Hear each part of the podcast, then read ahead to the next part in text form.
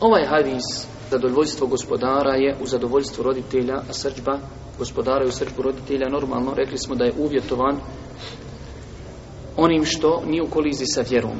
Tako da, ako se desi da roditelji od svoga sina ili čirke traži stvar koja je zabranjena vjerom, nije mu dozvoljeno da im se pokori. Ali i dalje treba da se prema njima lijepo obodimo.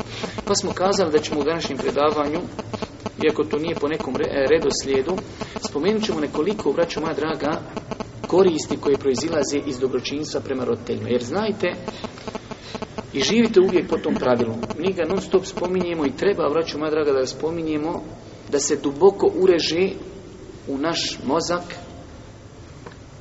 i da ga drugim ljudima prenosimo, a to je sve što Allah subhanahu wa ta'ala naredi, u tome je hajr za insana na dunjaluku, a zato će biti nagrađen na ahiretu. S druge strane, sve što Allah subhanahu wa ta'ala zabrani, znajte da je u tome zlo za insana na dunjaluku. A ako bude to kršio, te ga čeka kazna na ahiretu. Ako ga ne zadesi kazna još i na dunjaluku.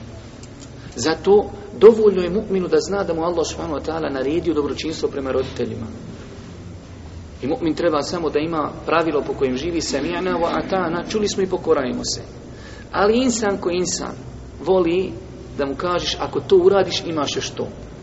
Onda to je jedna dodatna satisfakcija insanu da čovjek to implementira u svakodnevnom životu. I mi smo rekli i non stop ćemo to, braću moja draga, također ponavljati. Mi nećemo mnogo žuriti sa ovim predavanjima kako bismo imali vremena da to uprakticiramo u našem životu. Mi možemo ovu knjigu uzeti, vjerujte, možda u deset nekih sjela i pročitati.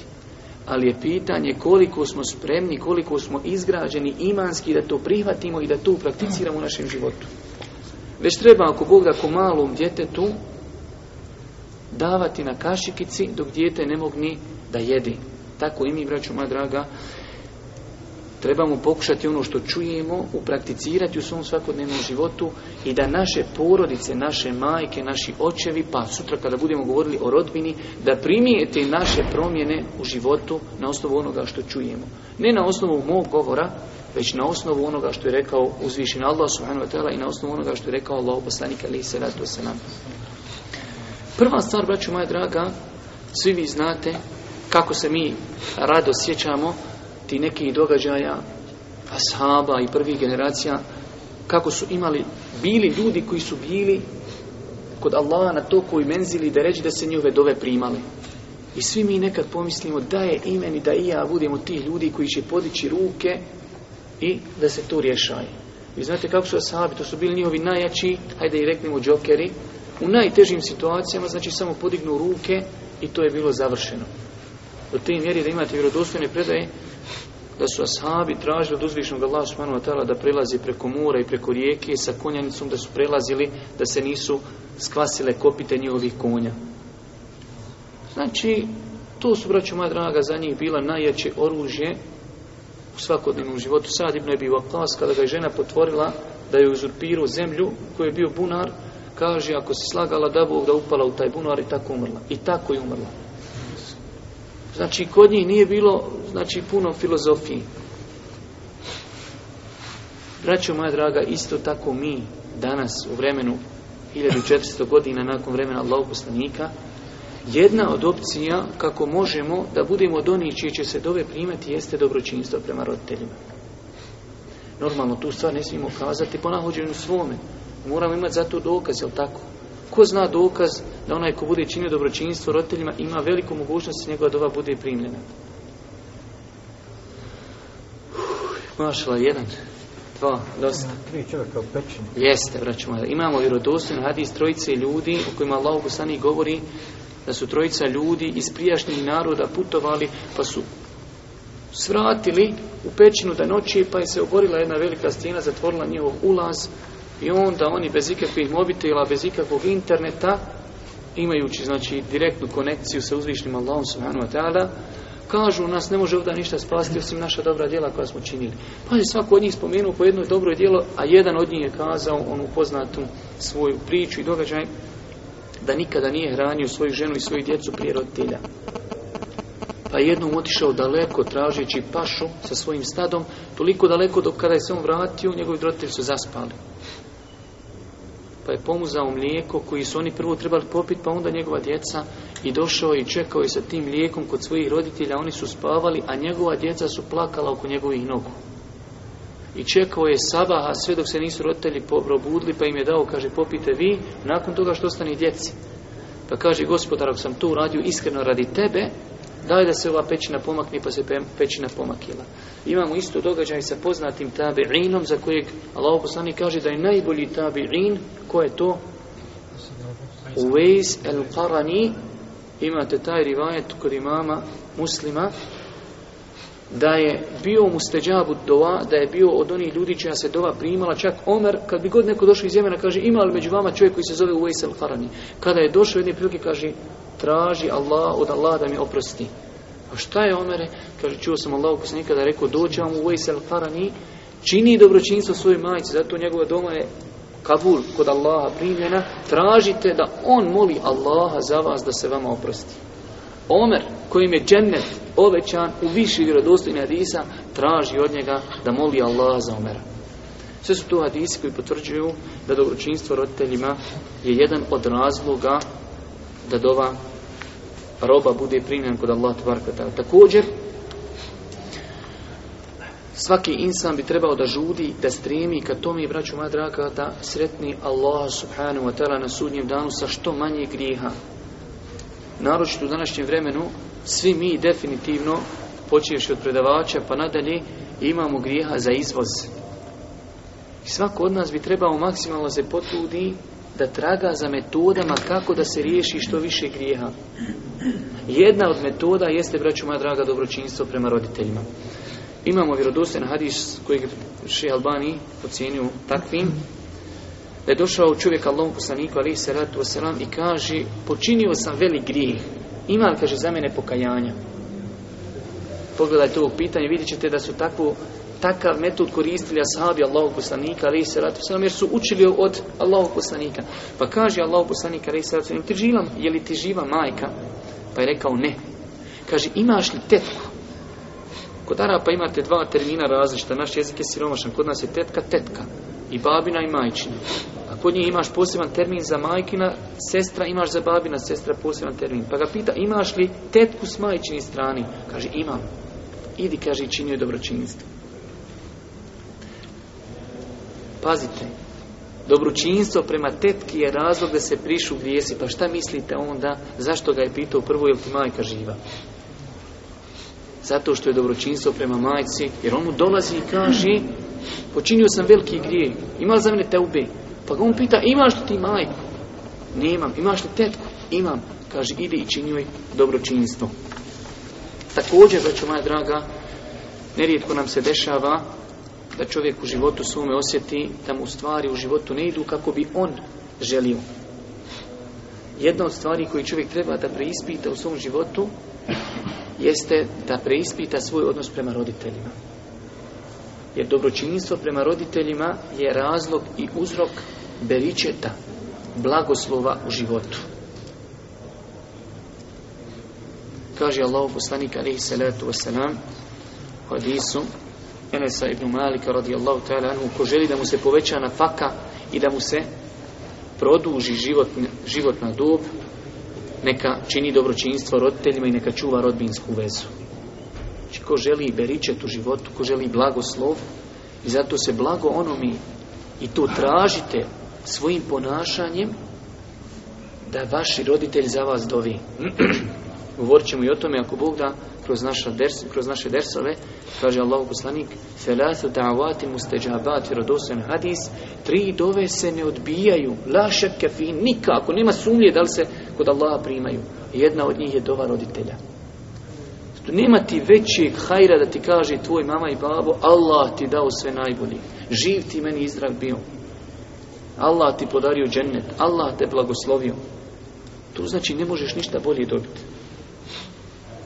Zato se blago onome kome dovi njegovi roditelji, a teško se onome protiv koga dovi roditelji. Zato islamski učenjaci kažu koliko god da se čovjek naljuti, treba se paziti da ne dovi protiv svoje djece, jer je velika mogućnost da njegova dova bude privačena Kod Allaha te Kvetala Zato, braću draga, znači, jedan, jedna od koristi dobročinstva prema roditeljima jeste blagoslov, lijep život, beričet u životu i na kraj kreva i beričet u znači čovjekovom životu u kontekstu znači jer kada je u pitanju život, dužina života, dužina života je znači određena i zapisana u Leuhi al Mahfuvu, ali određen broj kaže da se ovo odnosi da će Allah tada podariti čovjeku beričet u njegovom životu. Kad se kaže dužina života, da će mu dati beričet. I to je poznata stvar. Primjer radiše u Lislavim Tejmije je napisao knjigu pa akidu od ikindije do akšama. A mi danas sjedimo i možda i godinu dana treba nekome da pročita dobro to djelo i da ga dobro istudira i da ga dobro shvati. Znači, bilo je više beričeta u njihovom životu i njihovim onaj djelima. Također, svi mi žudimo i to je najveća želja svakog od nas, a to je sresti svoga gospodara u džennetu nagradi koju on pripremio za sve robove, a vraćamo draga, to se također može postići dobročinstvom prema roditeljima. Imate hadis koji će nam doći, ako Bog da, kroz ovu poglavlje od Muavije ibn Đahimi, da je došao poslaniku i kazao Allahu poslaniće želim da idem u boj pa se konsultujem s tobom znači želim da idem u bitku i želim da se s tobom konsultujem da li mi ti to savjetuješ ili ne pa kaže Allahu poslanik imaš li majku rekao je da čuva je, kaže, zaista je džennet pod majčinim stopalima.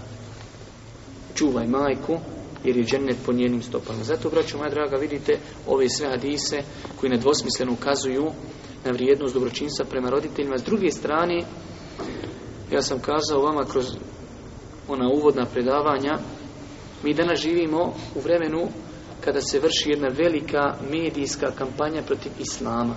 Normalno mi muslimani nazadni u svemu pa i u tehnologiji, mi imamo pristup medijima kako bi mogli demantovati velik broj laži koji se iznosi na islam i na muslimane, jedino i najbolje oružje koje posjedujemo mi, pod navodnim znacima oružje, jer mi muslimani ovu riječ ne smijemo nikako ni spominjati, jer je u pitanju lov, zecova, kamoli, nešto drugo, najbolje oružje koje mi posjedujemo jeste praksa, da praktično ljudima kažemo da je laž ono što se govori o islamu i muslimanima. Kada bi svi mi koji prakticiramo islam u svome komšiluku, u svojoj porodici ljudima pokazali šta je pravi islam, da se ne dešava da naš babo prvi i naša majka govori o nama negativno. Onda je, braću moja draga, nemoguće ljude pozivati u islam. Zato kažemo, jedno od najboljih oružja, najbolja metoda pozivanja ljudi danas u islam jeste da im praktičnim primjerom, u praktičnom životu pokažemo šta je tu islam u stvarnosti. I neispravna je teza koja se svakako pokušaje također medijski nametnuti cijelom čovječanstvu da su muslimani jednako islam, što je svakako neispravno. Islam je islam, Islam ima svoje temelje, Kur'an i sunnet, prvenstveno, nakon toga konsenzus islamskih učenjaka, ispravna analogija. I vraću moja draga, to je Islam. A kako ga muslimani žive, to je njihov problem, njihova odgovornost, njihova svijest. Ali se nažalost nameće ta slika i mediji su uspjeli u velikom broju slučajeva da kada govori o islamu prikazuju muslimane. Nikada niste čuli da kažu ovo je islam i citiraju hadis Božih poslanika. Već ovo je islam i onda ti pokaže tamo neku sektu koja se lupa mačem po glavi i lancima po leđima i šta ja znam i kažu e ovo vam je islam ili pokaže ti tamo neke duhovne muslimane koji se probadaju sabljama, mačevima, letaju po zraku sa stapovima i onda kažu e ovo vam je islam. Ti kažu ovo islam, moram se ja probadat, moram se sjeći sabljom, izvinjajem se, ne bi ja Znači, velika je odgovornost na nama kako ćemo ljudima prezentovati, braću draga, islam. Također, mnoge stvari ćemo mi potvrditi kroz Adise ali kad smo već započeli ovu tematiku, račuma draga, dosta puta nam se dešava da ovaj pojam dobročinstva prema roditeljima imamo pogrešne vize. Evo čak uz dužno poštovanje, ja ne želim nikada da neko shvati da ono što mi ukažemo na određene greške u ovoj knjizi koju smo uzeli kao onaj, kako se zove, onaj, ajde da kažemo, predmet po kojim ćemo raditi, jer tu je prevedena knjiga na bosanskom jeziku i morat ćemo nekada ukazati neke stvari koje, ajde da kažem, malo potpunije su. Evo primjer radi prijevod drugog ovoga poglavlja, poslušnost prema majici. To je na arapskom se kaže birul, wa, um. Neispravno je ili nepotpuno prevesti pokornost majici. Pokornost je ona ti naredi ti joj, ti se odazoveš. A ta riječ na arapskom bir je termin za svaku vrstu dobročinstva. Zato je deset puta potpunije i pravilnije prevesti dobročinstvo prema majci. Dobročinstvo prema majci podrazumije i kad ti naredi da ju se odazoveš i kad ti ne naredi da ju činiš opet dobročinstvo i da je paziš u svakom kontekstu. Zato kažem i mi dosta puta imamo pogrešne vizije zato što živimo u tom društvu u kojem se dugo godina išlo onaj onim sistemom druže Tito mi ti se kunemo da zato u džehennem idemo i tako. Znači gdje, gdje se išlo u tom sistemu zapadnom da se porodica raštrka, da se grade starački domovi, da se izmisle penzije i čovjek čitav život radi zašto nek imam penziju kad ja ostarim ja znam da moje dijete me neće paziti Nek ja imam onu zlatnu penzicu i sa njom živim. Znači to je bilo, braću moja draga, plansko onaj kvarinje porodici. Zato i mi, odrastajući u toj sredini, u tom ambijentu, poprimili smo određene stvari. Tako je nerijetko čuti da ima ljudi koji svojom vještinom pokazuju da su muslimani dolazi tu u džaniju, a kada upitaš njegovog babu i njegovu majku, njegovom odnosu prema njima, katastrofa. A vamo je spreman da se možda za najmanji sunnet potuče s nekim. A stvar koja mu je najveća obaveza nakon obožavanja Allah te oni on je to zapostavio. Nesvijesta nekada, nesvijesta nekada svoje obaveze prema roditeljima. Zato islamski učenjaci, kada govori Zašto velik broj ljudi, kada je u društvu, on je lijep, mehak, kulturan, a kada je sa svojim roditeljima nije takav? Šta mislite što je to tako? I o tom islamski učinjaci govori. I vjerujem, vi ćete večeras, ako Allah dadne, da obradimo neke predaje, neke predaje iz koje mi ne možemo uzeti osim možda jednu korist, vidjet ćete islamski učinjaci kod svake riječi staju i iz nje vade koristi. Zato je veoma bitno družiti se sa ulemom, sa onome što je rekla ulema.